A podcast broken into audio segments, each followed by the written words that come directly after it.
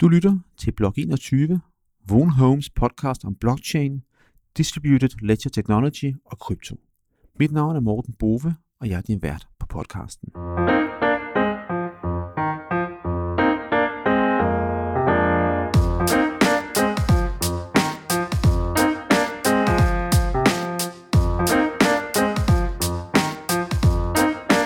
Når jeg ikke sidder bag mikrofonen i Blok 21, er jeg CEO og co-founder i Vaughn Homes, hvor vi ønsker at demokratisere adgangen til boliger, tokeniseret og lagt på en blockchain. I vores regi, studieboliger og tiny homes, bygget af opsagte plast og glas.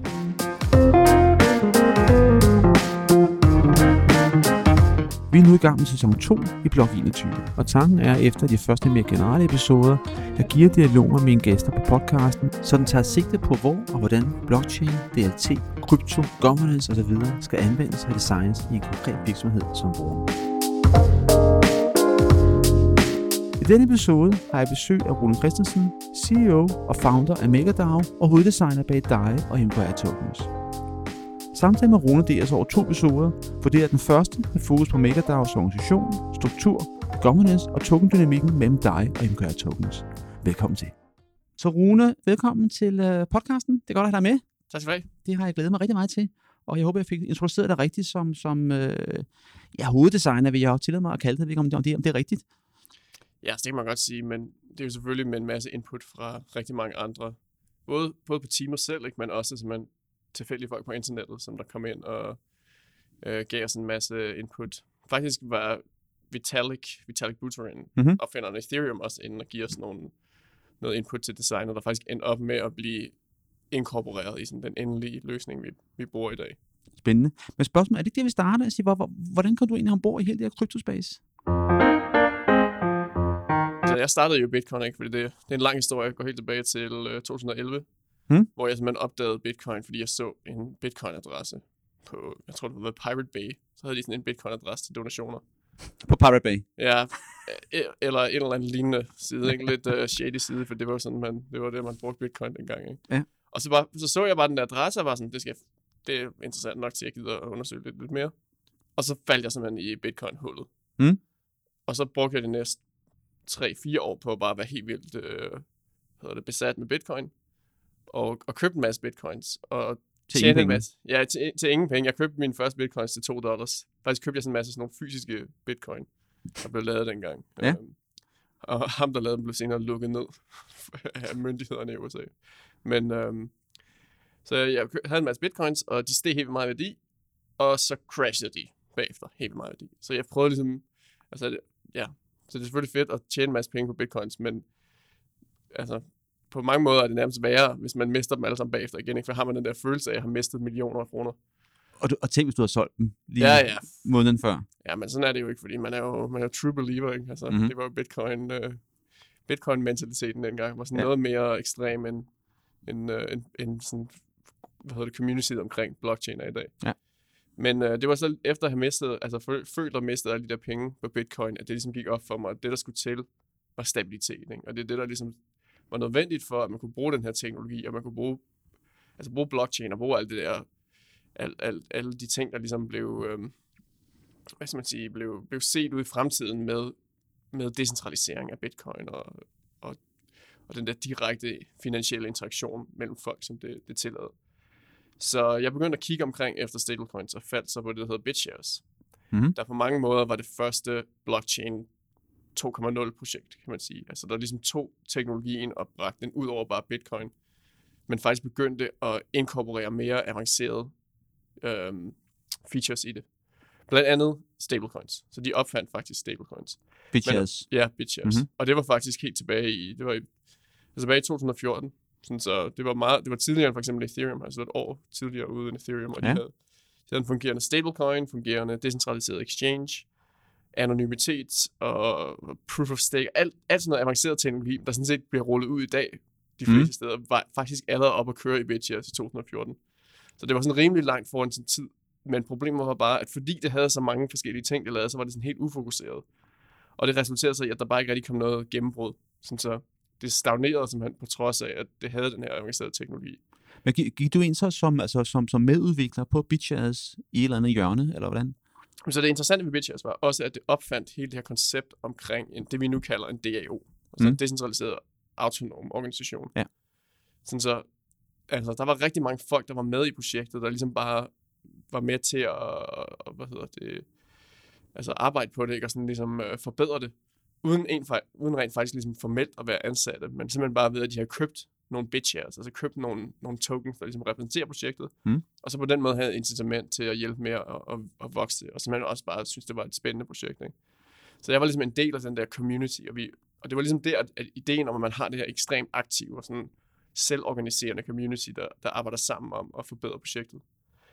Um, og det var så, altså, da det så endte med at, at stagnere og ikke rigtig kom videre, det var så det, at mig og så nogle andre fra communityet, vi var sådan, men altså, der er jo noget genial teknologi her.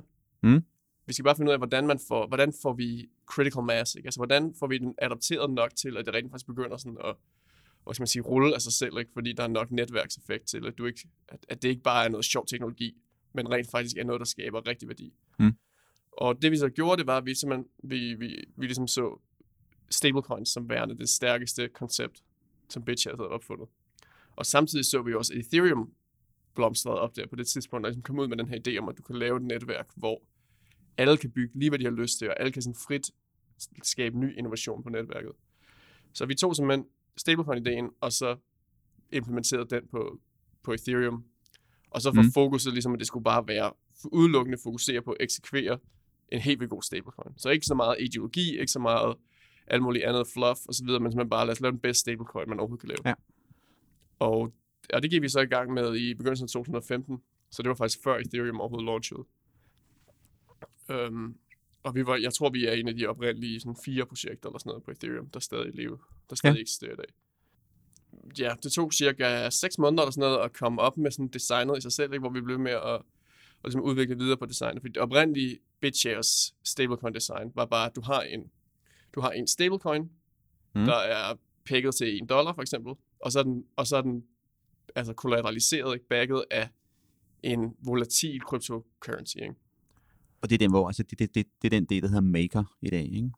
Ja, altså, og det, og det er jo så også, og det oprindelige, altså det oprindelige design, altså faktisk så er Maker, når Maker først kommer ind, så begynder det først at blive mere avanceret, men, men hvad kan man sige, det oprindelige design, som vi havde udtænkt, og også det design, som for eksempel vores beta, der kører lige nu, fungerer med, der er bare, altså der er ligesom en, en coin, der står bag ved mønten, og så er der en stabil coin, ikke? og den, den coin, der står bag som collateral, altså som sikkerhed bag dig lige nu, Mm. vores stablecoin, øh, er Ethereum.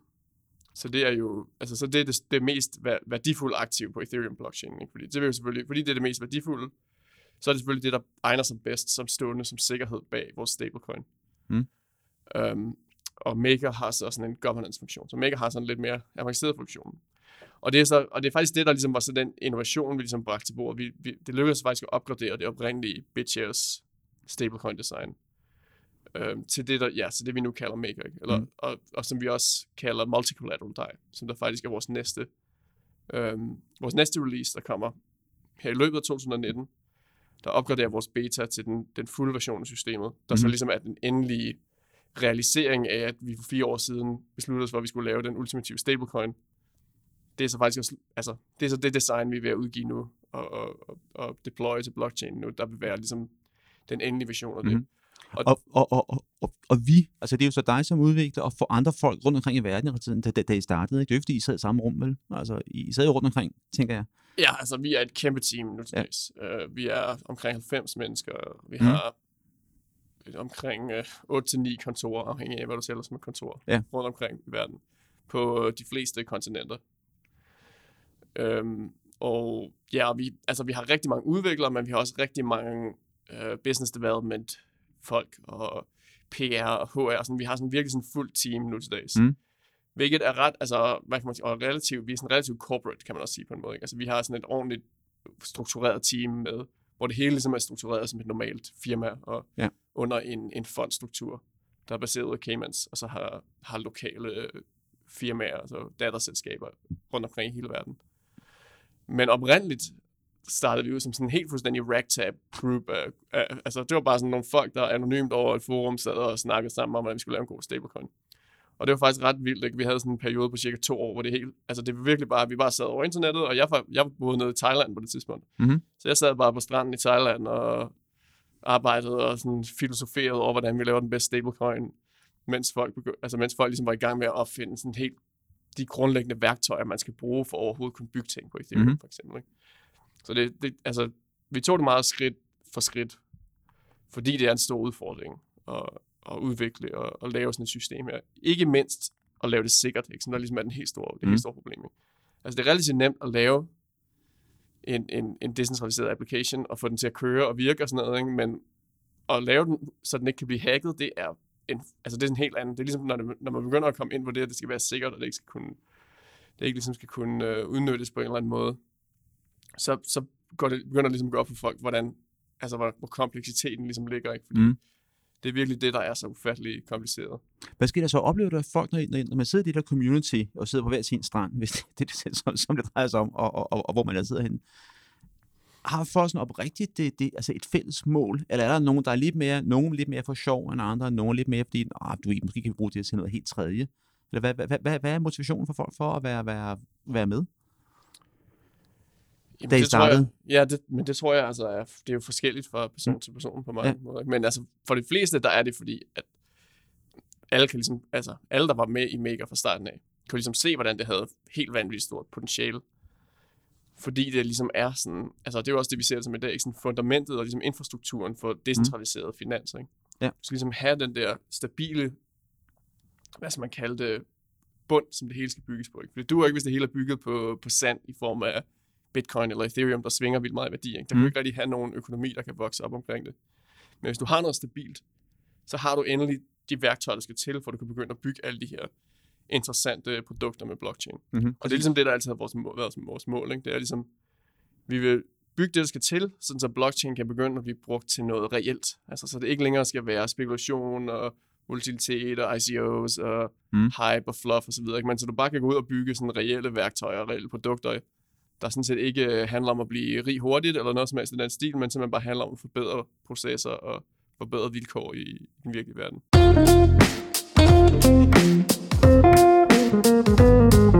I dag, der hedder altså Maker, Maker DAO, og DAO for den her altså distribuerede autonom organisation stadigvæk. Men det, du siger samtidig, er I faktisk ret godt organiseret. I er ikke så autonome, så der gør noget måske længere. I selve Maker-organisationen, altså jer, der sidder her. Jamen altså, så det er jo det der, så det er en interessant, øh, hvad skal man sige, perspektiv på det, er, at vi er sådan set ikke mega, som man kan sige sådan. Mm. Altså, sådan, så det er heller ikke helt korrekt. Altså, ja, det, når jeg ligesom taler sådan rigtig eksternt, og taler med folk ude, helt ude i mainstream, så, kan, så siger jeg selvfølgelig, at jeg er CEO af MakerDAO, fordi Ja. det, altså, folk kan ikke rigtig abstrahere om ideen om, at der er det, altså, en decentraliseret organ, hvad hedder det, autonom organisation er ikke rigtig noget, der, det, det tager ligesom noget tid at forstå, hvad det egentlig betyder. Ikke? Mm. Men, men, men som økosystemet ser ud nu, er der ligesom to ting. Der er, der er fonden, altså der er Maker Foundation, Ja. som der er også i vores, i her i organisationen, ikke? der ligesom, øhm, du ved, har, ja, hvad hedder det, har en, en, en, sige, en war chest, altså har noget funding, øh, og har struktur, altså juridisk struktur og ansatte, og sådan det hele kører helt som en normal firma, mm. hvor det er godt nok, øh, altså det er sådan set er non-profit, ligesom for eksempel Ethereum Foundation, og så i stedet vores mål er bare at vokse maker. Ikke? Men, bare, men, men udover det, så, så fungerer vi ligesom som en normal firma, der bare forsøger at, at ligesom vokse vores produkter og vokse vores økosystem. Men så samtidig så er der hele den decentraliserede autonome organisation, som der ligesom er vores community, Mm-hmm. som der er langt større end os. Altså, der Ja. er 10.000 vis, mås- ja, faktisk omkring 10.000 mennesker. Så de Måske der lidt 80 mere. stykker, man kan se inde på hjemmesiden, og der står om os, og så tror der står About Foundation eller sådan noget, tror jeg det er. Det, det er fonden, fonden, fonden. Ja. Øh, og det er dem, der er ansat der, og der, ja, de fleste får løn derfra i en eller anden udstrækning. Ja. Øh, øh, øh, og så er der så hele communityet, der er, og det, det er der, det autonome element ligger. Ja, og, den, og ligesom den store forskel er, at fonden er ligesom midlertidig og eksisterer kun for bootstrap-systemet i sin tidlige fase. Ikke? Ja. Så det er mens der ligesom, det, og det er jo fordi, det er det, jeg snakker om, så at problemet med Bitches var, at de ikke nåede den der snibbolds-effekt. Altså, Mm. det nåede ikke uh, kritisk masse, hvor systemet ligesom begynder at have så meget indre værdi, at det kan vokse af sig selv. Så der, det er derfor, der ligesom skal være nogen, der ligesom presser på i starten. Men i takt med, at systemet vokser, så kommer den der netværkseffekt ligesom til at blive større og større, og, og der sker, altså, organisk vækst begynder ligesom at overtage, hvad skal man sige, øhm, du ved, ligesom, jeg kan kalde det tvungen, altså vækst, vi ligesom har skabt ved at gå ud og lave nogle deals eller noget den stil. Ikke? Altså, Mm. mm. Lige nu er det en rimelig stor del af, af væksten for økosystemet som helhed, men, men det, altså, det, går, det, det går rigtig hurtigt med, at, at, at øh, communityet begynder bare at vokse af sig selv og ligesom ude af vores kontrol fuldstændig. Ikke? Og det er det, der ligesom er det, altså det, der er det mest vigt, altså vigtigste element ved systemet, det er i sidste ende, at det er decentraliseret. Ikke? Sådan så det hele er faktisk ude af vores kontrol i den forstand, at fonden egentlig ikke har, altså, har ikke nogen speciel autoritet eller speciel kontrol over systemet. Det er simpelthen communityet som helhed, der har kontrol via de her maker tokens, som man jo bruger til at, at stemme med i systemet, og simpelthen kontrollere øhm, hele, altså regulere hele den økonomiske øhm, sådan, øh, hvad skal man sige, ramme omkring øh, det, der holder dig stabilt. det, man kalder governance i det. Ikke? Jeg talte lidt med Søren Peter om det sidste, nemlig, altså hvor, øh, og, og du måske meget godt lige sådan gentage igen, til hvordan er helt præcis, at dig og Maker spiller sammen. Fordi rent altså Maker token, er altså den, som, hvis jeg, har, hvis jeg har købt Maker token, så har jeg i en eller anden forstand jo indflydelse på, hvad sker der over i de der DAI værdisætninger, som der er, ikke? Eller hvordan hænger det sammen? Ja, så, så, så det var ligesom for fire år siden, Mm. og vi sådan, nu skal vi lave den ultimative stablecoin. Og vi har så eksperimenteret med flere forskellige designs, og det vi så kommer frem til, det er så det, der er sådan et multikollateraliseret stablecoin-system. Og, og man kan sige, at det består faktisk af tre ting. Så det består faktisk både af, så det består af DAI, der mm-hmm. er Mhm. vores stablecoin, og DAI er, er pækket til en dollar, som det er lige nu. Øhm, Så en DAI er lige med en dollar. ja, en DAI er lige med en dollar. Altid. Øh, ja, altså Lige nu. Med mindre- altid, ja, der- der er altid nogle- lige nu. altså man kan aldrig, og det er jo sådan en ting, man kan aldrig, altså der er altid risiko med alting, ikke? så man Mm. kan aldrig sådan garantere, at uanset hvad, kan det ikke, kan det ikke knække, eller man skal sige. Men det man kan gøre, det er, at man kan, man kan simpelthen skabe så meget transparens, og så meget sådan stabilitet og sikkerhed omkring det, at det vil være enormt nemt for brugere at ligesom gå ind og vurdere, om, altså, om der er en jordisk chance for, at det vil, det vil, det vil knække, eller man skal sige, eller ej. Ikke? Mm. Og det er jo for eksempel bedre end den form for garanti, du har med en bank. Det er det, der er den helt store fordel ved blockchain, ikke? det er, at vi er faktisk i stand til at tage det her system, altså tage hele den der funktion med en bank, og hele den der idé om stabiliteten, og så gøre det fuldstændig transparent på blockchainen. Så alle som bruger, som kan gå ind og sige, hvad er, altså, hvad er sandsynligheden for, at der kommer et finanscrash i morgen, ikke? eller der sker et eller andet, eller at det hele er, det er sådan en eller anden en Roskilde Bank-situation, eller sådan noget mm. Den stil. Ikke? Nu kommer jeg fra Roskilde, ikke? Sådan, så, Så det er, er- jeg tror, ja. værket Roskilde Bank. ja. så hvad hedder det? Um, uh, ja, så det er ligesom, så det er ligesom dig i sig selv. Ikke? Så dig er ligesom den her stablecoin, og dig er det, der ligesom bliver brugt af normale folk. Uh, og det bliver brugt rigtig meget i Sydamerika for eksempel. Ikke? Der er det rigtig populært som en erstatning til uh, enten deres lokale, hvad hedder det, penge, hvis de, har, hvis de oplever meget inflation, som for eksempel Argentina eller Venezuela. Mhm. Eller også bare fordi det er en digital form for, for dollarsedlerne, ikke? Så de i stedet for at skulle rende rundt med en masse eller, eller deres lokale sedler, ikke? så i stedet for at skulle have en masse fysiske penge, så er det rigtig nemt for dem rent faktisk bare at bruge telefonen som en, som en bank. Gør de det? Altså som vi bruger MobilePay herhjemme-agtigt. Så er det så dig, der så bliver, bliver, bliver sendt fra den ene til den anden. I, altså, Altså- en, i en eller anden handel. Ja, det vil jeg sige, det er en meget, øh, det er jo ikke, altså det er ikke en stor, øh, hvad kan man kalde det, markedsplads for det endnu. Mm. Mm. Så det er, en, det er en mindre mængde af folk, der ligesom gør det. Og, det. og det er faktisk, altså der, hvor det ligesom er, er rigtig effektivt og rigtig slået igennem, det er faktisk på, på øhm, transaktioner på tværs af landegrænser. Ja. Der er, der er dig for eksempel, altså der, der for eksempel MobilePay er jo faktisk ikke i stand til at gøre sådan noget. Ikke? Nej, Altså, præcis. og det er en af de ting, hvor, hvor dig og kryptovalutaer virkelig, øh, virkelig sådan, øh, hvad hedder man, hvad skal man sige, shiner, ikke? Altså det mm-hmm. Mhm. er, når det er sådan noget, hvor det er over grænser, over, når det er et eller andet, hvor der er en eller anden juridisk, eller sådan en eller anden, du ved, menneskeskabt barriere af en eller anden art. Mhm. Mm. Det er der, krypto altid bare bryder igennem fuldstændig. Ikke? Sådan, så, så der, der er faktisk rigtig, altså bliver brugt relativt meget, og, og virkelig har nogle fordele, som der ikke er så meget andet, der har. Og, og, og folk har tillid til, at den dej holder sin værdi sammenlignet med, med, med 1 dollar på et givet tidspunkt. Den tillid ligger der. Ja, og altså, det er i hvert fald til, i hvert fald er der, er der, er der begyndelsen af en, en, en større mængde, sådan, hvad skal man sige, systemisk tillid til Ja. det, ikke? fordi i takt med, at det ligesom er et netværk, der, der spreder sig. Og det kan man sige, det der ligesom er helt grundlæggende for den tillid kan eksistere først om, det er, at vi har en masse on- and off-ramps dernede. Mm. Det vil sige, at vi har, vi har firmaer, der er, der er villige til at købe og sælge dig for, øh, for lokale penge, sendt direkte til din bankkonto i, i store volumer. Ikke? Sådan, så du ved bare altid, jamen det er min, altså, jeg, jeg behøver ikke at stole på, at min dig er 100 dollars. Jeg, behøver, jeg ved bare, at ham her, herover, han vil tage det for 100 dollars. Ikke? Sådan, Ja. så, sådan, så, og, og det er jo forskelligt fra person til person, hvad der ligesom Mm. skal, skal til, for at man kan stole på en møntfod. Ikke? Men langt de fleste, det er ligesom, hvor nemt er det for mig at, at konvertere det til mm. rigtige penge, i min, altså som jeg er vant til, og kan gå ned i butikken og, og købe ting med. Ikke? Ja. Øhm, men det er jo så dig, ikke? så det er faktisk, og, og dig er ligesom, hvad skal man sige, for de fleste, der ligesom kigger på systemet, vil man se dig som værende sådan størst, altså det vigtigste og det største del af systemet. Ikke? Og, s- og, og, der er ligesom, og så er der ligesom er der et eller andet bag dig, der sådan er en eller anden teknisk detalje, man sådan set ikke behøver at bekymre sig om. Mhm. Man behøver bare at vide, at der er en dig er en dollar, og sådan er det. Ikke? Ja. Men i praksis er dig virkelig bare sådan den lille top på isbjerget, om man kan sige. Ikke? Og der er en enormt kompliceret, øhm, altså enormt avanceret blockchain-infrastruktur, der ligger under, og der rent faktisk får det til, hele til at køre rundt. Mhm. Og det er nok helt klart det mest, altså det mest avancerede, der er blevet bygget med blockchain indtil videre, er det her system, vi har. Altså faktisk selv det, vi har, det, vi har liggende at køre på, på Ethereum blockchain lige nu, der sådan set kun er vores beta, og som alligevel er relativt simpelt, Mhm. er stadig enormt meget mere avanceret end, end noget andet, der rigtig kører sådan ude i den virkelige verden lige nu. Måske med undtagelse af et system som for eksempel, Augur. Ja. Der er sådan en prediction market, ikke?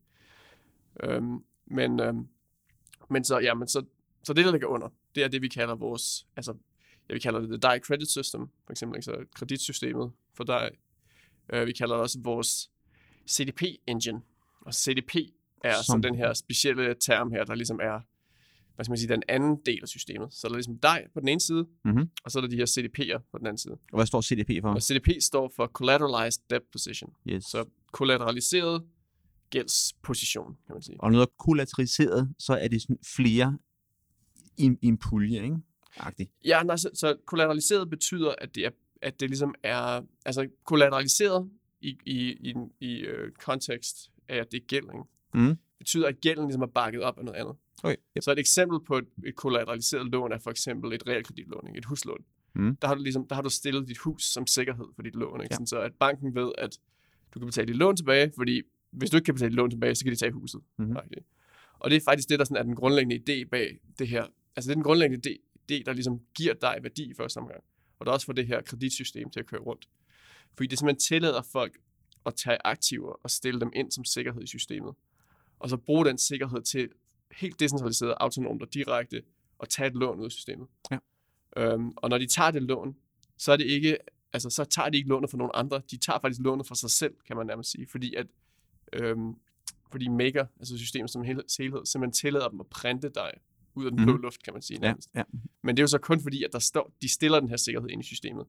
Og fordi, at der er nogle ret, altså der er nogle meget øh, specifikke og rigide krav til, hvor, altså hvilke forhold man kan, man kan låne på, når man har stillet den her sikkerhed. Ikke? Jo, vel også, det, det taler også med Søren Peter om, også med, hvem er det? Og det er, jo så, det er jo så dem, der har maker, der afgør, at den her, at den her øh, sikkerhed, vi sætter ind, altså øh, valid nok. Altså jeg kan forstå, at der er noget med, at man I har, sådan, hvis jeg skal låne 100, så skal jeg lægge 150 i sikkerhed, agtigt. Men, men, men, men, men hvem er der afgør, om den sikkerhed, jeg lægger ind, rent faktisk er, er, er, er valid? Ja, så det er nemlig den tredje del af systemet. Ja. Så det er så Maker? Sådan, Så der er Ja. ligesom dig, der er den stabile valuta, som normalt folk bruger. Så er der CDP'erne, der er det her lånesystem, Ja. som øh, der stadig, altså der også bliver brugt sådan ret udbredt af forskellige former for, for sådan normale mainstream kryptobrugere. Ja, det synes jeg er vildt interessant faktisk, den, den, den, her lånemekanisme, og fordi det er den, der giver likviditet, tænker jeg. Ja, lige præcis. Og Ja. den, også, altså, den har rigtig meget, den kan bruges på rigtig mange måder, sådan, hvis man Mm. bliver lidt mere kreativ. Ja. Øh, men, men det kan vi lige tale om lidt senere, når vi kommer til use cases. Ja. Men den sidste del af det, ja, det er så maker. Altså, og det Mm. er så, hvis man ligesom kan sammenligne de andre ting, så der er jo ligesom en penge, normal penge.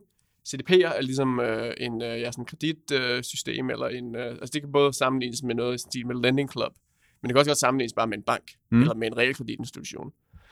Og som maker kan bedst sammenlignes med en form for centralbank. Altså ligesom, så ligesom Nationalbanken i Danmark ligesom passer på den danske krone og passer mm. på den danske økonomi og sikrer sig, at der ikke sker en eller anden kæmpe ustabilitet, og det hele crasher eller sådan noget. Mhm. Så har Maker ligesom samme ansvar i, i Maker-systemet. Ikke? Men Maker ligesom er den, den, den øh, hvad skal man sige, altså den organisation og den autoritet, der ligesom tager beslutninger omkring, hvordan skal vi regulere og stabilisere det her system. Øh, og, og det allervigtigste spørgsmål er nemlig noget i stil med, hvor meget mere skal der stilles som sikkerhed, når du printer dig, for eksempel. Ikke? Men endnu vigtigere er også, hvad kan du stille som sikkerhed? Præcis. Øhm, fordi det, det selvfølgelig handler om, det er, at der skal stå rigtig mange forskellige ting som sikkerhed. Sådan så, at hvis du for eksempel både har noget Ethereum og noget Bitcoin, øhm, så altså, hvis du, ja, lad, os sige, lad os sige, du kun har noget Ethereum og noget Bitcoin, for eksempel. Ikke? Mm. Det er faktisk ikke så godt, fordi at de er jo rimelig korreleret. Ikke? Så de, hvis de begge De to følger sig op og ned, ja. ja, så, så kan du faktisk godt stå i en situation, hvor lige pludselig så har du en million, der er, der er i omløb. Og det var oprindeligt bakket af, lad os sige, 2 millioner bitcoin og ethereum, men pludselig Mhm. er det crashet til nærmest ingenting. Og nu har du noget, der, der er der helt insolvent, ikke? Der, ikke er, der ikke har nogen opbakning. Ja. Og så har du et problem. Det er sådan en situation, at der er rent faktisk kan miste sin værdi, ikke? Mhm. Og du kan få en, en stablecoin, der så bliver ustabil, ikke? Ja. Så det, der er enormt vigtigt, det er, at der er en masse forskellige og en masse ukorrelerede aktiver, der står som sikkerhed. Ikke? Så i stedet for bare, at det bare skal være Bitcoin og Ethereum, som der ligesom følger hinanden rigtig meget, så, er det pas, så skal der også altså ting, altså diver, diverse aktiver ind, som der er Altså fysiske, altså noget skov, noget bygninger, eller, eller, eller er vi stadig ude i sådan noget digitalt krypto? Jamen altså, det så, hvad kan man sige, den første, det, det, det første skridt er sådan set bare at forsøge at diversificere igennem mange forskellige kryptoer. Ikke? Ja. Sådan, så- og der er jo forskellige, der er jo mange forskellige tokens, især på Ethereum. Ikke? Men altså, det er også, også et tilfælde, at de næsten, alle, næsten altid også er korreleret. Ikke? Præcis. Mere eller mindre i hvert fald. Ja. Øhm, og ja, og det, det man så ligesom kan gå hen efter, efter at have, have spredt sig over hele krypto og og puttet alle de Mm. mm. kryptotokens ind, der ligesom, at man kan sige, de passer ligesom øh, direkte ind i systemet. Ikke? Ja. Fordi de ligesom er designet på Ethereum, og, og så bare passer direkte ind i andre systemer på Ethereum. Men ja, så det næste skridt er, at man går ud i, i tokenization. Ikke? Altså man går ud i det, der hedder, også kaldes um, security tokens. Ja. Altså som der er, det er, det er blockchain-baserede tokens, men i virkeligheden stammer deres værdi ikke fra en eller anden blockchain-mekanisme, men i stedet fra et juridisk øh, krav, som handler, hvad skal man sige, et juridisk claim på et eller andet virkelig akt, hvad hedder det, aktiv. Ikke? Mm-hmm. Et fysisk aktiv, ja. Ja, og det kunne så være, altså det kunne så være en, en aktie, der er blevet lavet om til en token, eller det kunne være en obligation, der er blevet om til en token, eller det kunne ovenikøbet være et hus, der er lavet til en token, eller en Ja. bil, eller noget endnu mere kreativt, Mhm. eller et stykke skov for eksempel, ja, eller Ja. et stykke land. Øhm, og, og der er jo selvfølgelig rigtig mange af dem, øh, der er projekter, altså over hele verden, der forsøger at lave den her form for teknologi, fordi der er, altså der er enormt meget værdi i at, lave, altså i at tokenize et, et virkeligt aktiv. Mm. Selv hvis man bare gør det for sin, for sin egen skyld, kan man sige. Fordi det er meget nemmere at- styre og og kontrollere og ligesom opbevare en token, end det er at opbevare en aktie, for eksempel. Mhm. Så det sker sådan helt organisk af sig selv over hele verden. Og det passer så rigtig godt til Maker, fordi at Maker også er rigtig glad for at have alle de her tokens tilgængelige, som der så alle sammen kan blive inkluderet i, altså simpelthen i øh, porteføljen af kollateral, der står bag dig. Betyder det sådan rent hvis jeg har et hus, og det har en værdi, jeg kunne gå til realkredit og få det belånt øh, øh, øh, øh for at få noget likviditet ud, eller jeg kan gå ind og tokenificere det, fordi jeg ved, hvordan man, man, man gør det, eller får nogen til at lave den kode, der gør, at nu simplificerer det meget, men lave den kode, der gør, at det bliver til, til så og så mange tokens. Kan jeg så gå til jer og sige, nu min ejendom her, den er tokeniseret token, den hedder BOVE, BVE. Kan jeg så gå til jer og sige, det her, og, og, det, og det her med min token, øh, øh, den vil jeg gerne optage øh, dig på. Og jeg lægger de her 150 øh, øh BOVE-tokens ind øh, mod at få 100 dig retur. Er det sådan, det fungerer? Sådan lidt meget groft, groft skåret. Ja, altså teoretisk set, så ja, Ja. ja. vil man være i stand til at kunne gøre det. Altså, og det vil ovenikøbet være tilgængeligt i, i, i brugervenlige apps, simpelthen. Ikke? Ja. Altså, selvfølgelig vil der være en masse regulation omkring det, fordi det er jo ikke fordi, man skal have folk til at gå ud og pansætte alt muligt tilfældigt, uden at de ved, hvad de har gang i. Ikke? Men, Nej, nej, præcis. men, øh, men teoretisk set, så ja, altså, så er ideen, at man skal være i stand til at få den der form for direkte kredit, uden at man skal gå igennem en, en finansiel øh, altså mellemmand. Ikke? Altså, man kan igennem en bank eller institution, eller, Mhm. mm. eller andet, der ligesom tager et cut. Så er ideen ligesom bare, at man kan gå direkte til pengemarkedet. Altså man kan gå direkte til, til, til den form for marked, hvor banker og centralbanker selv låner penge til hinanden. Ikke? Mm. Øhm, og, og det har jo så den enorme fordel, at det, at det er mere effektivt, og det er mere, det er mere, altså det er mere lige for alle, ikke? Altså, det, og det er, men det er også hurtigere og, og billigere. Mm. Den vigtigste del i den proces, det er, det er at komme tilbage til Maker her. Ikke? Altså at Maker, at de her folk, der holder den her MQR-token, de skal være i stand til, som sådan en global, decentraliseret, nærmest anonym organisation, ikke? altså bare Mm. en flok folk fra hele verden, der holder de her tokens, og arbejder, altså ligesom koordinerer over det Ja. her decentraliserede system. De skal være i stand til rent faktisk at tage meget kompetente beslutninger om, altså kravene, altså vilkårene, du kan låne penge på, ikke? Præcis. Og det er faktisk en af de mest komplicerede, øh, hvad skal man sige, områder, områder som man inden for økonomi og videnskab generelt, ikke? det er at lave sådan noget risk assessment, som det hedder. Ikke? Mm. Fordi der er jo helt vanvittigt mange faktorer og, og, og altså ting, man, data, man skal tage med i, når man ligesom tænker på det. Ikke? Sådan, så det er det, så det, der er ligesom, altså, så det, hvor, det, der hvor vi er nu, det er, at vi ligesom er gået i gang med at, at kickstarte den her, hvad vi kalder den videnskabelige proces, eller sådan den videnskabelige risikoproces. Ja, vi har ikke virkelig danske ord for, for de her ting, når det kommer sådan helt ud i, De termer. i ja, men altså, Om det er også en risk, risk assessment, hvad, og, og hvad, hvad er tingene værd, ikke? og hvordan vurderer man det?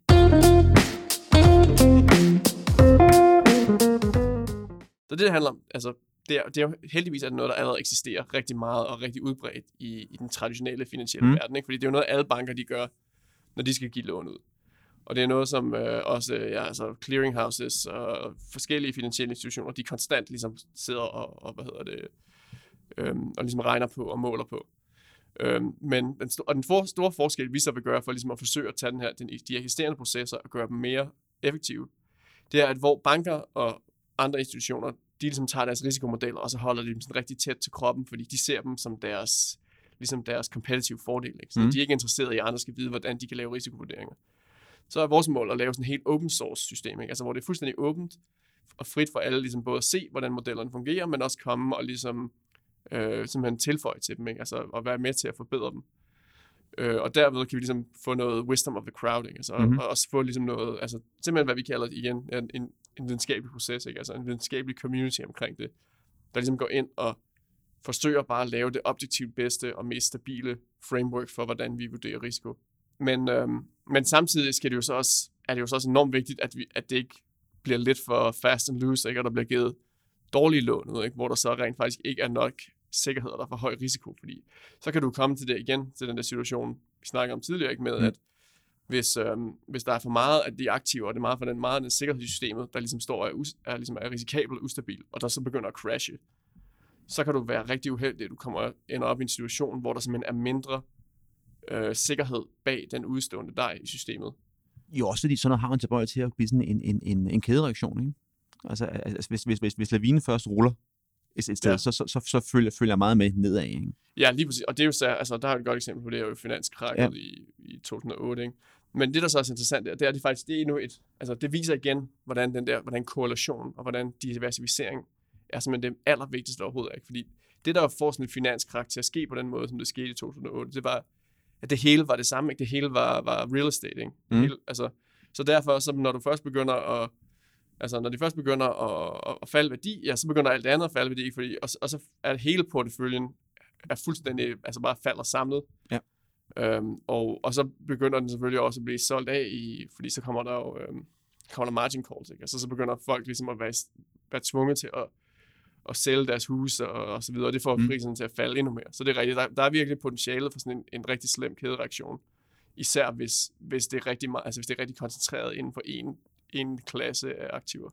Den, sådan, den grundlæggende mekanisme i Maker forsøger at modvirke det her med, altså, der, eller der, der, der er ligesom en række mekanismer, men sådan den, den allermest, øh, det sådan mest grundlæggende princip bag det er, altså det er dem her, der sidder og regulerer systemet og vælger, hvilke regler der skal til, altså hvilke vilkår man kan låne på, og ligesom sidder og designer det her portfølje og beslutter sig for, at der skal være så meget af det her, ikke? Der skal være så mange realkreditaktiver, der skal være så mange bitcoins, der skal mm. være så meget af, det skal være guld og bla bla bla, ikke? og ligesom vælger sådan, ligesom sammensætter den her portefølje. Øhm, når, når tingene, altså når de så har sammensat det, og, og systemet kører, og det hele kører, som det skal, ikke? Altså, mm. og, og, alt er godt, der, der er stabil, og CDP-systemet bliver brugt rigtig meget af folk, der låner penge, så er der konstant den her, det vi kalder en stability fee, altså sådan en, en, en øh, ja, simpelthen et gebyr, der bliver betalt til systemet, der ligesom er den grundlæggende betaling for risiko til systemet. Ikke? En, øh, en, nærmest en slags forsikring, ikke? Sådan, mm. alle indbetaler til systemet hele tiden. Den, øh, den gebyr går så direkte til makerholders. Ja. Så det går simpelthen til det, vi kalder buy and burn. Det ryger simpelthen sådan en pulje, og, den, og så, øh, hvad hedder det, regelmæssigt, så den pulje, når den vokser så stor nok, så bliver den brugt til at lave sådan en burn auction, hvor systemet simpelthen autonomt går ud, køber en masse maker fra markedet, med hvad, de nu har til, altså hvad der er til rådighed af de der gebyrer, der er blevet samlet ind, Mhm. køber de der maker, og så bare destruerer dem. Sådan så, hvad hedder det, forsyningen af maker falder konstant, så længe systemet ligesom er i, er i ligevægt, og, og det hele er stabilt. Og det er jo rigtigt, det er man rigtig glad for, hvis man er makerholder, ikke? fordi så, Så stiger værdien ja, det, så det, stiger man har. værdien, ikke? fordi der hele tiden er, der er hele tiden er efterspørgsel. Der kommer ja. ligesom altså nærmest øh, mekanisk efterspørgsel, ikke? Ja. der bare kommer ud af systemet i takt med, at folk bruger det. Mm.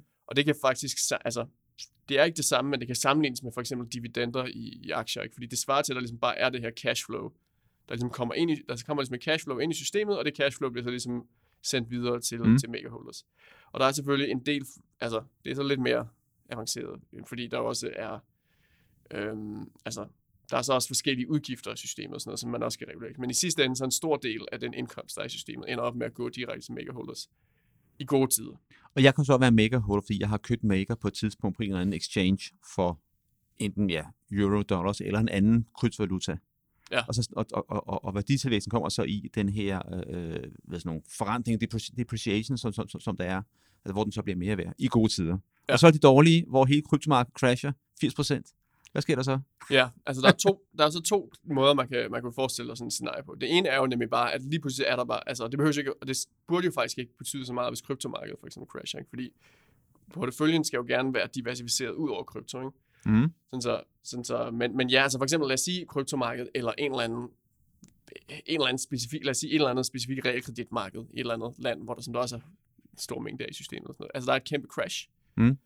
Øhm, og, og, og der så skal, altså, det, det er jo ligesom den ene, den eneste, det er den ene faktor, der skal til. Den anden faktor skal jo så også være, at, at, at uh, makerholders lige har været lidt, uh, de har været lidt optimistiske ved at sætte risikoparametrene, ikke? altså ved at sætte sådan Ja. vilkårene på at bruge de her aktiver som, som sikkerhed. Ikke? Fordi hvis vilkårene er sat korrekt, så er der en rigtig stor sådan, buffer, ikke? så er der en rigtig stor overkollateralisering. Mm. Så selv et, et stort crash vil stadig sådan falde inden for den forventede ramme. Ikke? Men hvis de nu har været, hvis de, hvis de ikke har været konservative nok, så kan der faktisk ske det, at der kommer et crash, der er så stort, og så pludseligt, at det simpelthen laver den der, altså det simpelthen laver, skaber insolvens. Ikke? Mm. Så du ender op med at have nogle lån i systemet, der simpelthen er dårlige lån, ikke? altså hvor den værdi, der står bag lånet, til at bakke det op med, er lavere end den gæld, der er i lånet. Ikke? Ja. Og, og det skaber så den her, ja, det skaber så en insolvens, altså det skaber den her, øhm, ja, hvad vi kalder dårlig gæld, ikke? Unbagged die, ikke? Og det er så der, at systemet sådan kommer rimelig øh, koldt og kynisk og kontant, eller man skal sige. Altså man siger, jamen, megaholders, I har desværre været dårlige til at regulere systemet, og I har skabt en, øh, et shortfall, ikke? så nu mangler der nogle penge i systemet, og det er jer, der kommer til at betale for det. Og den måde, det sker på, det er, at den simpelthen bare printer flere makers. Så på samme måde som, og, altså printer flere makers, og så bruger det til simpelthen at rejse kapital med ud af systemet, og så, og så den kapital, der bliver rejst, men det er skaber så i teorien inflation, eller gør, at værdien formodentlig bliver lavere så, ikke, på den pågældende maker. Ja, altså sådan en, en inflationsevent, Mm. altså sådan et, øh, og det bliver også nogle gange kaldt Black Swan event, fordi at Black, altså Black Swan betyder ligesom, at det er uf, en, noget, som der ikke var forudset. Ikke? Ja. Altså, det vil altid skabe tab i systemet, og det er altid rimelig katastrofalt ting at udsætte systemet for. Ikke? Fordi mm. det betyder simpelthen, at der kommer inflation, det vil sige, at al den der energi, der bliver smidt i at regulere, regulere systemet godt, og tjene de her penge over tid, og, og, og hvad hedder det, reducere forsyningen af maker, bliver så lige pludselig øh, vendt på hovedet, ikke? og der bliver printet en masse nye maker, fordi Mm. nu er der altså sket et, en katastrofe, og der er simpelthen unbagged dig i omløb. Ikke? Og det vigtigste mål for systemet selv er at sikre sig, at dig er bakket op. Ikke? Sådan, så makerholders, de står som, altså der er ikke rigtig nogen grænse for, hvor meget de kan blive hvad hedder det, udvandet af sådan et event der, fordi at det vigtigste er altid bare, at det skal rekapitaliseres, uanset hvad. Mm.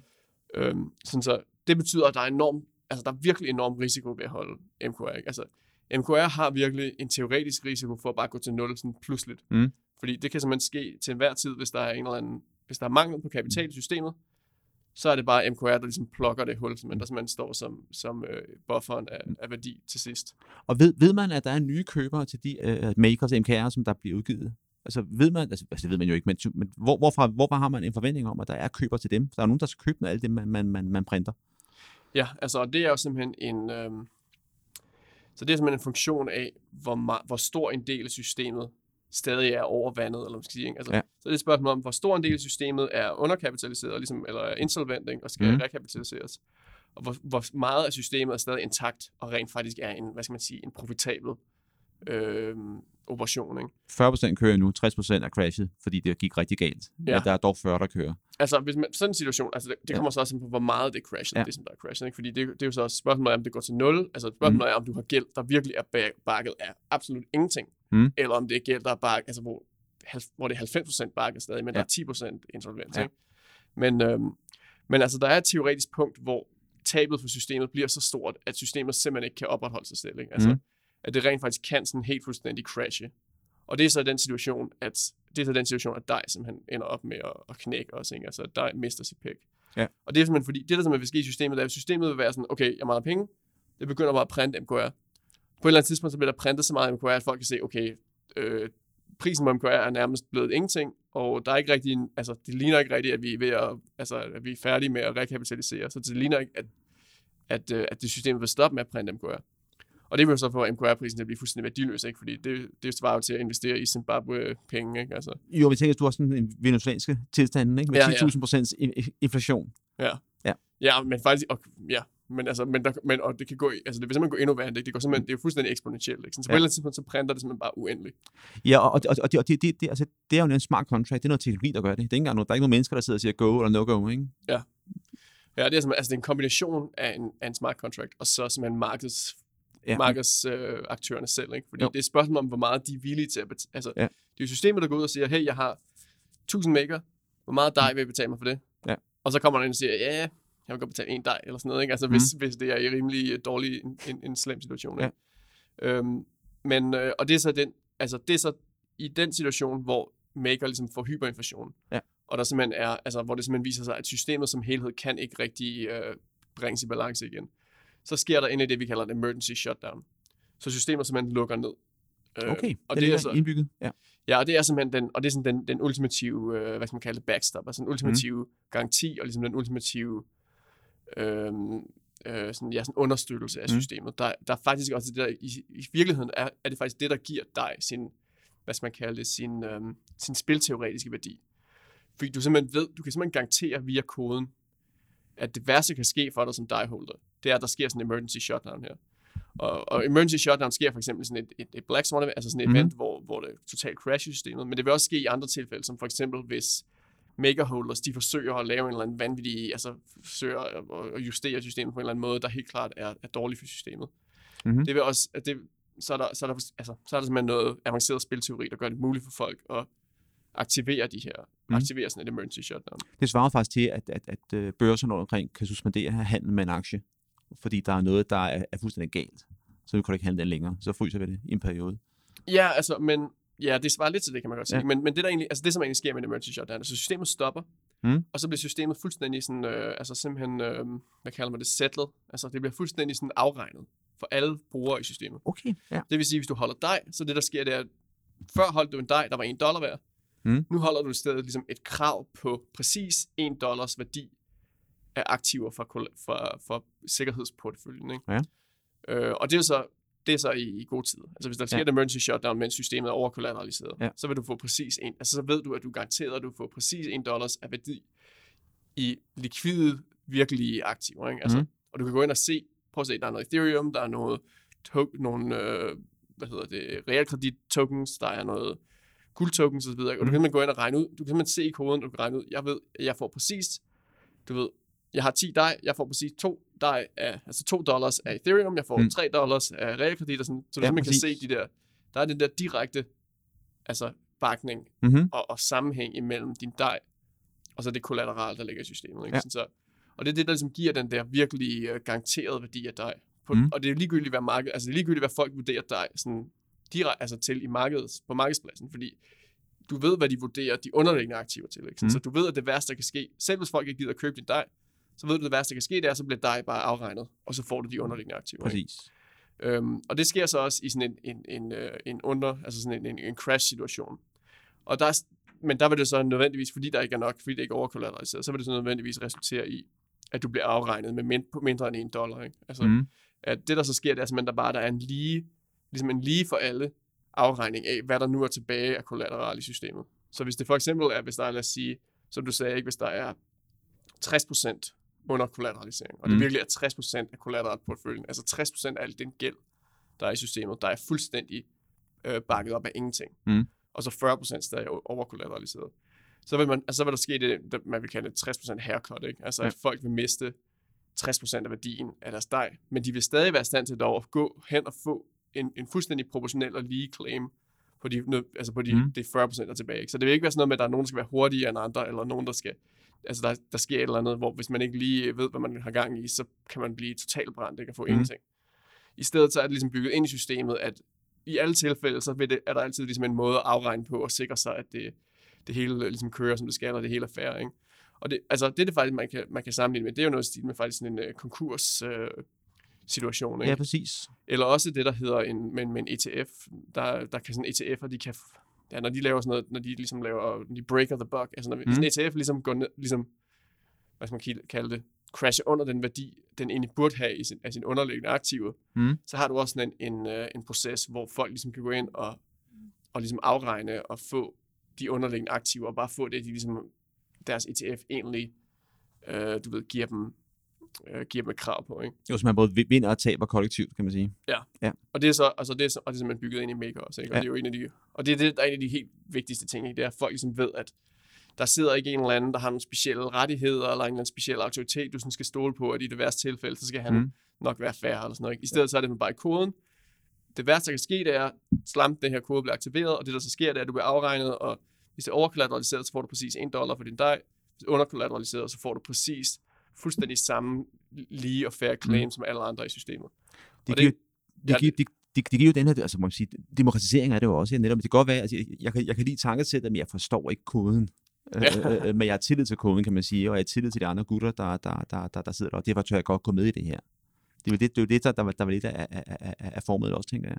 Ja, altså, det er jo selvfølgelig ikke, altså selvfølgelig kan den, den, en normal person ikke gå ind og, og direkte sådan, øh, altså, audite det selv, ikke? og så Mm. man gå ind og undersøge, om, om det er, som det skal. I hvert fald ikke i dag. Altså i fremtiden, så vil det nok måske være muligt, fordi der simpelthen vil være så meget omkringliggende dokumentation, at du simpelthen kan gå ind som en lægemand og simpelthen bare læse, altså, du kan simpelthen få det forklaret, Mm. ligesom, hvad skal man kalde det, regnestykke for regnestykke, at Ja.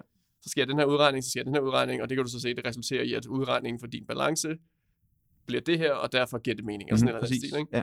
Øh, men, men, men altså nu til dags, fordi det er open source, kan du simpelthen bare, altså du kan bare kigge og se, at der er 10, 20, hundredvis af, af eksperter, der rent faktisk forstår det, der alle sammen går ind og siger, yes, Det holder. det er som det skal være, og også endnu vigtigere, de siger også, at vi har kigget det hele igennem, og der er ikke en eller anden hemmelig backdoor eller et eller andet et eller andet sted, Mm. ikke? fordi det er jo også det, der ligesom er så vigtigt ved det, ikke? at der ikke er nogen speciel autoritet, eller altså ligesom, der er ikke det der element af, at du skal stole på en eller anden, der i sidste ende kan, kan fejle ikke, i, i den værste situation, Mm. fordi det er jo det, der også virkelig er, altså det er det, der virkelig er fordelen med Ja. decentraliseret teknologi, ikke? fordi det skaber noget helt andet i form af sådan en neutral platform, ikke? hvor der ikke rigtig er nogen, der, altså hvor alle kan være med, fordi alle kan, kan stole på, at der ikke, altså at de ikke på en eller anden måde bliver udnyttet, eller, eller ligesom, mm. at, de, øh, at fordi de er med her, så er der en eller anden, der sådan er ham, der står bag, og der kan få en eller anden speciel fordel ved det. Ikke?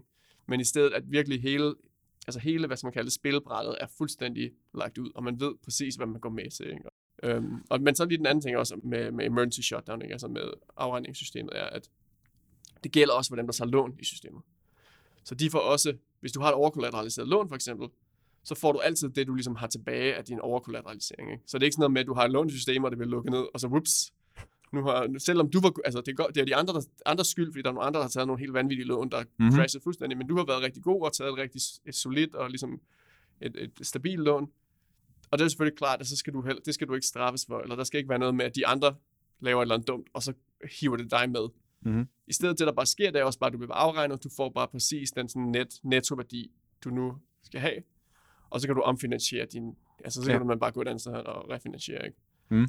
Øhm, og dem, der så er fuldstændig, der får ingenting, det er så mega holders, ikke? Altså, hvis der sker sådan en, en emergency shutdown, så er- bliver deres mega fuldstændig værdiløs, ikke? Og det er jo fordi mega holders igen, som man er, det er dem, der ligesom tager, altså, Mm. mega holders er det, vi kalder highest risk, highest reward, ikke? Altså, de, de står til at tjene rigtig godt, hvis de kan styre det rigtig godt, men hvis de, de ikke klarer det så godt, så er der ikke rigtig nogen noget for dem, kan man sige. Så er det simpelthen bare dem, der tager hele taget, tabet, og det er først de andre, der begynder at få nogen form for tab, når der simpelthen intet, altså når maker er fuldstændig blevet værdiløs. ikke? Ja, præcis. Det vil sige, at der er en high risk, det er en, en high reward i, i, i, i maker-kæden. Det er fordi, det er dem, der så også er med at beslutningstager på at sige, de her, de her assets, de her de collateral, er, er gode eller dårlige.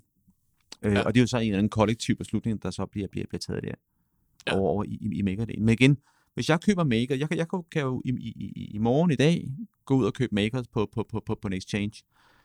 Det gør mig vel ikke til beslutningstager, hvilke collateral der er noget værd eller ej. Eller gør det i teorien det, hvis jeg går et rigtigt sted hen? Ja, altså det er så Jeg vil jo ikke ane, hvad jeg skulle kigge på. Om Nej, men altså, det er en, det er en, det er en smule mere kompliceret, Ja. øh, end, end fordi, at der er nogle forskellige øh, nogle dynamikker, man, også skal, man skal tage med i det. ikke? Men bare sådan en ting, der er interessant, altså en, et, et sjovt eksempel på, hvad, man, hvad vi som ser maker som. ikke? Det svarer lidt til, for eksempel, at forestille under fin- finanskrisen, at i stedet for, at det var skatteborgerne, der skulle ind og lave et kæmpe bailout, der, ikke? og Mhm. ligesom hvad hedder det, holde alle bankerne op, efter de havde Ja. været ude og spillet casino, ikke?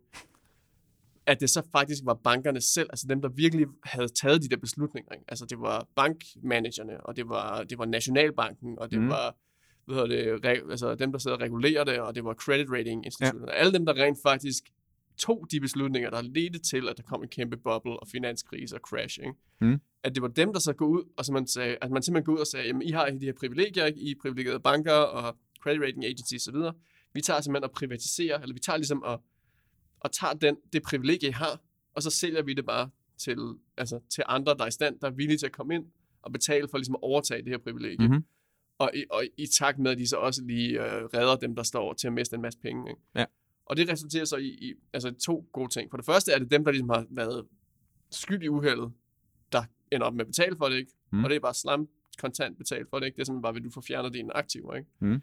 Øhm, men det andet er også, at dem, der ligesom kommer ind, altså det er ligesom, at der kommer noget, hvad skal man kalde, frisk blod ind i det, ikke? Fordi du ligesom får en situation, hvor dem, der ligesom sad og styrede tingene før, de klarede det ikke så godt, så nu er det sådan set ud med dem, og nu er det ind med nogle nye, der ligesom er villige til at gå ind og sige, vi er villige til at rekapitalisere systemet, fordi vi regner med, at vi kan styre det bedre, og vi kan undgå, at en situation som den her sker igen. Ikke? Mm. Fordi, mm. Og det er derfor, vi tror, det har værdi, fordi man vil jo ikke købe Maker, hvis man troede, der ville ske et crash til, fordi det vil jo være, altså det, er jo- det er jo en enorm risiko at tage, ikke? og man skal lige, altså det er virkelig sådan, at hvis man holder Maker, så har man en enormt stort incitament til at sikre sig, at man er med til at styre systemet korrekt, ikke? fordi det, altså, hvis du, hvis du bare sidder og bare holder noget Maker, og ikke rigtig ved, hvad der foregår, så kan det jo være lige pludselig, at der er nogle andre, der går og spiller noget casino, og ligesom går, Og det, det, det, det, det er jo det der tilfælde, hvis jeg gik ud og købte en eller anden, altså ja, en, en bitcoin, eller en ETH, eller noget, noget, noget, noget, noget, noget EOS, eller hvad, hvad, hvad det må være, en eller anden form for kryptovaluta, den har jeg jo sådan, jeg har, har jo nærmest minus indflydelse på den. Øh, øh, øh, jeg aner ikke, hvad, hvad, hvad det er, der sker. Så vil, vil for mig, hvis jeg går ud og køber maker i morgen, vil det, vil det, jo, vil det jo være, være det samme. Jeg vil ikke ane, hvad der sker. Det er fordi, jeg skal, ind, jeg skal, jeg skal ind i maker community og arbejde, for at jeg får noget governance ret, eller rettighed. Er Ja, det, altså, Ja, altså man, og det er jo så, der er jo ikke nogen, altså der er jo ikke noget indbygget krav i det, at du Mm. skal gøre det her. Det er sådan set bare, hvis du ikke gør det, så tager du bare en endnu større risiko, ikke? Fordi du simpelthen ingen anelse har, om din maker Ja. crasher til ingenting i morgen eller ej. For du Mm. ved ikke, om den bliver styret korrekt lige nu eller ej. Øhm, men, men det der så, en anden ting, der så er vigtig med hele den her governance-dynamik, er jo, at det er jo ikke fordi, at det skal være sådan en, en popularitetskonkurrence om, hvem har flest maker, de får så lov til at gå helt amok med at stille, lave alle reglerne osv., ikke? Altså, fordi det vil jo være lige så katastrofalt, ikke? For Mm. så vil du lynhurtigt kunne komme i en situation, hvor der er en eller anden gut, der... Det kan godt være, at han har en masse penge, og han kan købe en masse maker, men han ved rent faktisk ikke rigtig noget som helst om, om risiko, ikke? øhm, sådan så i virkeligheden, så er der faktisk det, vi kan... Så er der sådan to processer, ligesom curves hinanden. Så den ene er den her videnskabelige øh, risk assessment proces. Og den er faktisk åben for alle, ikke? Altså, fordi det er simpelthen en, en videnskabelig community og en videnskabelig proces, der ikke handler om, hvem har mest maker, eller hvem har mest det ene eller det andet, eller hvem er vigtigst, eller sådan noget. Det handler udelukkende om, hvem har ligesom de mest savlige, konkrete og, og ligesom objektive argumenter for en eller anden hvad hedder det, videnskabelig position, eller en Mm. eller anden specifik position for. Og det, det hele handler om der, det er, altså det handler altid om, om to ting, ikke? Det handler om data, og det handler om modeller, ikke? Mm. Så det er ligesom at, at finde ud af, hvem, altså hvordan kan vi ligesom som blive enige om den, den bedste data, vi overhovedet kan få fat på, og hvordan kan vi blive enige om de bedste modeller til ligesom at smide på den her, altså ligesom bruge på den her data, Mm. og, og via de modeller så få nogle, nogle regler, altså få nogle vilkår, som vi så ligesom kan omsætte til, når, altså til noget konkret, når folk rent faktisk kommer og låner for systemet. Og dem, der så i praksis er rigtig aktive i den her, i hele den her samtale, og hele den her konstante videnskabelige proces, og konstante videnskabelige debat, er jo selvfølgelig meget tit folk, der holder maker. Mm. Og det er jo både fordi, altså det er både to årsager. Det, eneste, det ene er fordi, at de holder maker, og de vil gerne have deres maker, hvis de er værdi. Så de vil gerne sikre sig, at det er nogle vildt gode, øh, hvad hedder det, øh, nogle risikoparametre, nogle vildt gode vilkår, der bliver sat i systemet, så det kan vokse så meget som muligt. Mm. Og samtidig kan få, som, altså de kan sikre sig, at der, der sker så få tab som muligt. Øh, og så den anden er så folk, der simpelthen bare er sådan, altså, ja, det er ligesom bare med for at sikre sig, at der ikke sker noget dumt, ikke? Fordi hvis du kigger på noget som for eksempel det finansielle krise, ikke? så var det ikke så meget en, det var ikke så meget en, en, hvad skal man sige, en videnskabelig fejl. Altså det var ikke rigtigt, at, at folk øh, havde ikke styr på matematikken. Det var faktisk en, et kulturelt problem. Ikke? Altså det var simpelthen, at folk Mm. fik sådan en helt vanvittig attitude, der, altså hvor de vidste, hvad de havde gang i. De vidste, de var fuldstændig klar over det. De var bare ligeglade, fordi at det var ikke deres problem. Altså de kunne også godt se, at det ikke var dem, der ville ende op med at stå med problemet. Ikke? Det er faktisk på mange måder den største risiko til finansielle systemer. Det er ikke så meget, at matematikken er ikke i orden. Det er mere, at, at øh, hvad skal man kalde det, hvad skal man kalde det hjertet ikke er i orden. Ikke? Altså, at ligegyldighed. Ja, altså at, at, at kulturen bliver sådan korru- korrumperet af sådan en, en short term og sådan selv, Mm. selvisk øh, attitude. Ikke? Og det er der, hvor selv den mest almindelige lægemand, der holder noget MKR, vil have rigtig stort incitament til at gå ind og monitorere, om det er tilfældet. Ikke? Altså simpelthen se, hvordan fungerer den her videnskabelige proces, og er det rent faktisk, altså bliver det lavet med de rigtige principper, der handler om langtidsvækst og hvad hedder det, undgå risiko og så videre. Er det sådan en slags chatrum og noget regnark, der, der suser rundt, eller hvor, hvor, hvordan foregår det? Den dialog, I maker? Jamen, så det er simpelthen, så det er en proces. Den allervigtigste del ved hele processen er, at i sidste ende er det en organisk sådan selv, øh, hvad kan man kalde det, altså en evolutionær proces. Ikke? Altså, mm. Så det er communityet selv, der ligesom over tid skal blive bedre og bedre til at finde ud af, hvordan kan vi bedst organisere, og hvordan kan vi bedst arbejde sammen til at lave de bedst mulige ris- risikoparametre i systemet. Ikke? Og det der så er sådan den, den begyndende proces, som, som os her i fonden, som har opfundet og ligesom er gået ud og, og, og trænet communityet i til ligesom Mhm. at starte og bootstrap den her proces med. Det er en, øh, så det er en proces, der, der ligesom, den, den er bygger på, ja, den bygger på nogle forskellige internetbaserede øh, platforme. Og der er så, så der, ja, det, så der er vores, vi har for eksempel vores chatrum, der sådan er, simpelthen det, der sådan er maker chatrummet, Mm. Der bare er på chat.makerdao.com, hvor folk simpelthen bare sidder og diskuterer sådan meget realtid tilfældige øh, ting, tilfældige emner, emner Mm. omkring det, sådan noget meget, altså det er jo meget sådan hobbyagtigt, entusiast-agtigt område, ikke? Men hvor der også ligesom er noget med, lad os få, have nogle kreative tanker om, hvordan vi laver det her videnskabelige risikoassessment, ikke? Så er der vores, øh, vores forum, eller vores, vores subreddit, mm. hvor vi er inde på, på Reddit, og det er jo sådan lidt mere langsom form, hvad skal Ja. ja. man sige, ikke? hvor der ligesom er lidt mere kød i det, når det kommer til, hvordan du kan lave komplicerede argumenter, og ligesom lave større sådan, øh, teser og sådan noget. Ikke? Og igen, det er sådan en meget kreativ, åben, hvad hedder det, fri proces, ikke? der meget handler om, at folk kommer med en idé, og så kommer andre folk med kritik og svar på den idé og så videre. Ikke? Og så den mest sådan, formelle, øh, hvad hedder det, platform, vi har til, til øh, sådan direkte øh, knowledge sharing og også, hvad hedder det, beslutningstagen omkring øh, governance og risiko Mm. assessment. Det er så vores, det, vi kalder vores governance meetings, som der simpelthen er sådan nogle øh, øh, konferencekald, der sker hver uge, hver torsdag klokken, jeg tror det er 6 eller sådan noget her i Danmark, hvor vi simpelthen har en team, hvor vi så får nogle risikoeksperter ind, der simpelthen, altså i starten er det ret meget, det er nogle risikoeksperter fra den virkelige verden, der ligesom har arbejdet i, bankvæsenet og arbejdet Mm. med risiko i virkeligheden, og der simpelthen går ud og så bare underviser dem, der nu er interesseret i det. Ikke? Og, i, og, på, og nu er det så, nu er vi så langsomt nået til det punkt, efter at have været i gang med det her cirka et halvt år, er vi nået til det punkt nu, hvor det ikke længere bare er nogle eksperter, der kommer ind og ligesom underviser, men det faktisk begynder at være en, ligesom en, en, ja, hvad kan man kalde, en videnskabelig community, der ligesom sidder og deler idéer, ikke? fordi mm. alle ligesom kommer med deres eget perspektiv, og vi ligesom har opbygget sådan en meget struktureret og ret øh, effektiv øh, samtalestruktur, ikke? hvor det ikke er sådan, så det er meget sådan, folk skal ligesom komme ind med noget konstruktiv input, når de har det, ikke? og så ellers handler det om at lære og se de andre folks point of view, og så i sidste ende, det er det aller, allermest handler om, ikke? det er at være i stand til som en gruppe at komme til en, komme til en konsensus, ikke? altså være i stand til at blive enige, fordi vi kan, altså fordi vi kan være enige om, hvad der er objektivt, ikke? Mhm. Mm-hmm. Ligesom, give, og ligesom have nogle fælles øh, startpunkter, og så være i stand til ligesom at, at være enige om, hvordan tingene skal, hvilken retning tingene skal gå i. Hvem er det så, der afgør, der, der kan være med i de her altså, e- e- øh, ekspertforer, tror du kalder dem? Fordi de er klart subreddit og, og, og chatrummet, sådan, det kan teorien, altså hvis ellers man, man er overgår og løs, så det kan alle være, være, med til. Kan jeg teorien også godt være, med i næste ekspertfora? Ja, altså, det helt grundlæggende er jo, at det hele er åbent for alle, ikke? fordi Ja. øh, du har, man giver sig selv et problem, hvis du har sådan en lukket gruppe af eksperter, mm. fordi så får du den der, den der risiko for det der kulturelle problem, ikke? hvor Ja. over tid så bliver de mere og mere eksperter, og mere og mere selvglade for, hvor genialt det er, ikke? og så øh, lige pludselig går det galt. Ikke?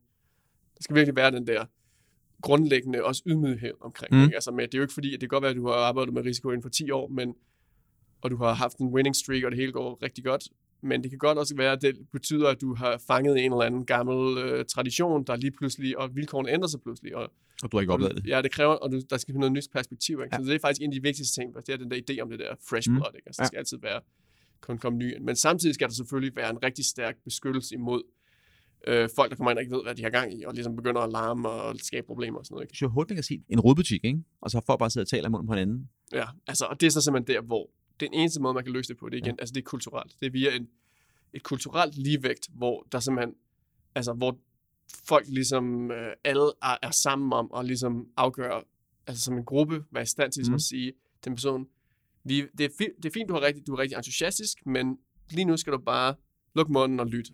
Ikke? Altså, og alle kan komme med deres, med deres input, ikke? men altså Mm. afhængig af, hvor meget auto, altså, autoritet du kommer fra. Så hvis, Ja. lad os sige, du er en risikoekspert, ikke? Mm. så kommer du, altså hvis du har arbejdet med risiko de sidste ja. 10 år, ikke? eller 5 år, eller bare har uddannelse inden for det og sådan noget, ikke? så kommer du gerne bare ind og bare kommer med hele din fantastisk kreative idé. Ikke? Og det vil folk være vildt. Altså selv hvis, hvis folk er uenige med dig, så vil de være enormt glade for at høre det perspektiv, fordi Mm. mm. de stadig kommer fra et eller andet punkt, hvor der er noget kontekst bag. Ikke? Og det er jo altid godt med en ny input, fordi det er igen, der er den der frisk Ja. blod, ikke? Der er den der, det, det nye perspektiv, der altid kan, kan hjælpe. Øh, men omvendt, hvis du bare er en eller anden, altså, hvis du bare er en eller anden gut, der bare har en genial idé, Toghorn. Ja, altså, det, det er stadig, og der, er stadig en chance for, at det faktisk er en genial idé, men mm. det er meget, der er ligesom den der proportionalitet til det, ikke? Så det kommer an på, hvor du ligesom bør starte med at komme ud med dine idéer, ikke? For hvis du nu ikke har den der baggrund, der ligesom gør, at du, du, du sådan set har Credit. det, der skal til Ja. for at kunne gå ind og, Mm. og være med sammen med, altså ligesom på lige fod med, med folk, der allerede er genkendt som værende eksperter, ikke? Så skal du bare starte altså et, et smaller, så kan du starte på vores Reddit for eksempel. Ikke? Og det, det er det, der meget sker, ikke? Fordi så der, der på Reddit, så kommer de med deres idéer. Ret tit, så er det, så er det sådan, ja, hvad har du tænkt over det og det? Så kan man ligesom sidde og diskutere det der. Men nogle gange, så er det også sådan, det der, det er godt nok genialt. Hvorfor kommer du ikke på vores governance call? Ikke? Og, Mm-hmm. altså, og, og, det er ikke, og det er ikke en eller anden, altså det er ikke mig eller en eller anden bestemt autoritet, der sådan bestemmer, hvem er det. Ikke? Altså det er simpelthen hele community, som hele, ligesom bare organisk, og sådan, det synes jeg er vildt fedt. Det vil jeg godt høre mere om. Ikke? Hvis der så er nogle stykker, der synes det, eller eller der bare, lad os sige, en enkelt, der sådan er mere genkendt i community, eller et eller andet, ikke? Der, der, så, kan man, så kan man ende med at have den der organiske proces, ja. der ligesom ja, altså hjælper til med at, Mm. og ligesom, øh, hvad skal man sige, ja, bare sådan filtrere, hvad der ligesom, Mm. mm. hvad, der, hvad der er vigtigt, og hvad giver mening, og hvad er kompatibelt med den nuværende sådan, videnskabelige øh, proces og ligesom konsensus, og hvad er, altså, og hvad skal simpelthen ignoreres, ikke? Forretningsmæssigt lyder det jo så meget sympatisk, men det lyder jo også som, det altså, altså, vil være enormt langsomt, eller er enormt langsomt. Eller fungerer det? Kører det i en, en rimelig hastighed? De her beslutningsprocesser og dialoger, fordi der kan jo sidde, jeg kan komme ind, altså Morten, jeg ved alt om ingenting, og synes, jeg er, er, er æderras med klog og skarp på det her felt, og har verdens bedste idéer. Og jeg argumenterer hæftigt for dem, ikke? og alle siger, hold nu en klaphat. Altså, der er jo ikke noget, hvis, hvis, jeg, hvis jeg bliver ved med at tale, der er ikke noget, der kan lukke mig ud. Altså, det er jo, altså, nu har vi det, altså, hvis sådan noget som du, det, du lige beskrev, det, ikke? Altså, det, fordi det er jo det, vi simpelthen vil kalde uh, trolling, ikke? Eller sådan Dunning-Kruger-agtig Ja. situation, ikke? Jo, fair nok. Ja. så er der simpelthen, altså så, og det har vi ikke været ude for endnu, men hvis det er nødvendigt, så vil det jo være, så vil det være krav, så vil der være nogen, der skal have muligheden for at lukke dig ud fra et eller andet bestemt debatforum, ikke? Altså, men det, der så er det vigtige, det er, for det, for, for det første skal der ikke være, altså der, lige nu er der kun en enkelt ugenligt uh, governance call, for eksempel, ikke? Mhm. Men, men for eksempel, men altså, der, er ligesom, der skal i sidste ende være flere forskellige platforme, så der ligesom, så, det, så det ikke bare er én platform, og ligesom én fuldstændig øh, Ja. ja. homogen øh, hvad hedder det, situation, ikke? men i stedet at det er lidt mere organisk, der er lidt flere forskellige platforme, og de ligesom som helhed så kan sikre sig at holde hinanden i skak på en måde, når det kommer til, om der er noget, der bliver sådan korrupteret, altså korrumperet Mhm. mm-hmm. over tid. Ikke? Jo.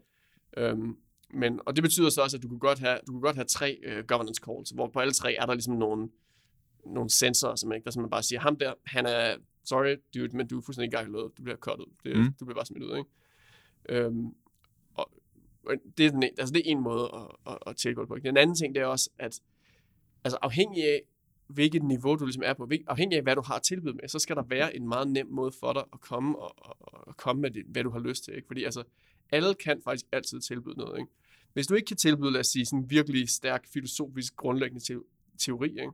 Mm. Så kan du tilbyde din, så har du nogle, øhm, altså så er der nogle gange, hvor, du bare, hvor der bare er brug for subjektive meninger, simpelthen, ikke? altså der, hvor, hvor du har et eller andet domæne specifikt inden for dit bestemte felt, eller sådan noget, hvor du kan komme med noget lidt mere sådan ekspertperspektiv. Mm-hmm. Og hvis, du ikke, og hvis du ikke engang har det, men du bare er en fuldstændig tilfældig person, så er der stadig, altså, så kan du stadig tilbyde data med, sådan, hvordan du, din egen adfærd, økonomisk adfærd, og simpelthen også bare, altså i alle tilfælde, alt data, der er relateret til dine meninger og dit perspektiv osv., ikke? Altså, og det der er så er vores mål, det er, at vi vil bygge de her sofistikerede, øh, sådan, øh, ja, sofistikerede systemer, der, der ligesom gør det så nemt som muligt for en, en given person, afhængig af deres egen, sådan, øh, hvad skal man kalde det, verdenssyn, ikke? Og, ligesom, mm. og, og, og, og perspektiv.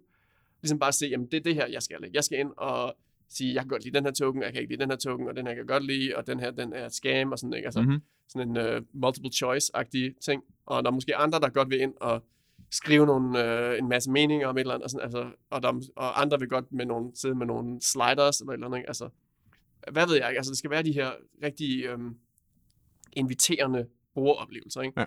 Sådan, så uanset hvad, så har du altid et sted, hvor du føler, du kan være med og ligesom være med til at contribute. Ikke? Uanset, uanset hvem du er, og hvad baggrund du har, og, og hvor meget maker du har, eller om du overhovedet har noget maker. Fordi Mhm. mm-hmm. faktisk er det ikke engang fordi, at du skal have maker for at være med i den her proces. Ikke? Nej, altså, alle, der har noget input, skal jo acceptere tingene. Altså, det er jo, det er jo den videnskabelige, det videnskabelige approach. Ikke? Altså, det er jo at forsøge at få så meget data og være så objektiv som muligt, uden ligesom at diskriminere på baggrund af et eller andet arbitrært.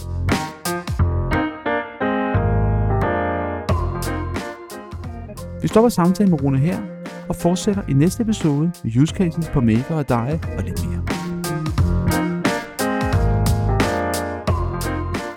I vores show notes og på blog21.dk finder du kontaktdata og links til dagens gæst, MakerDAO, CWP Portal og meget mere.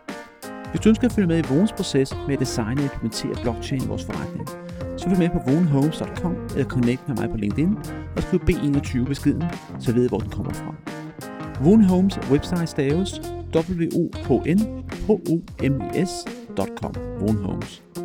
Tak for at lytte med, og det er gerne podcast med dine venner og kolleger, så vi alle sammen kan blive bare en lille smule klogere på blockchains forunderlige univers.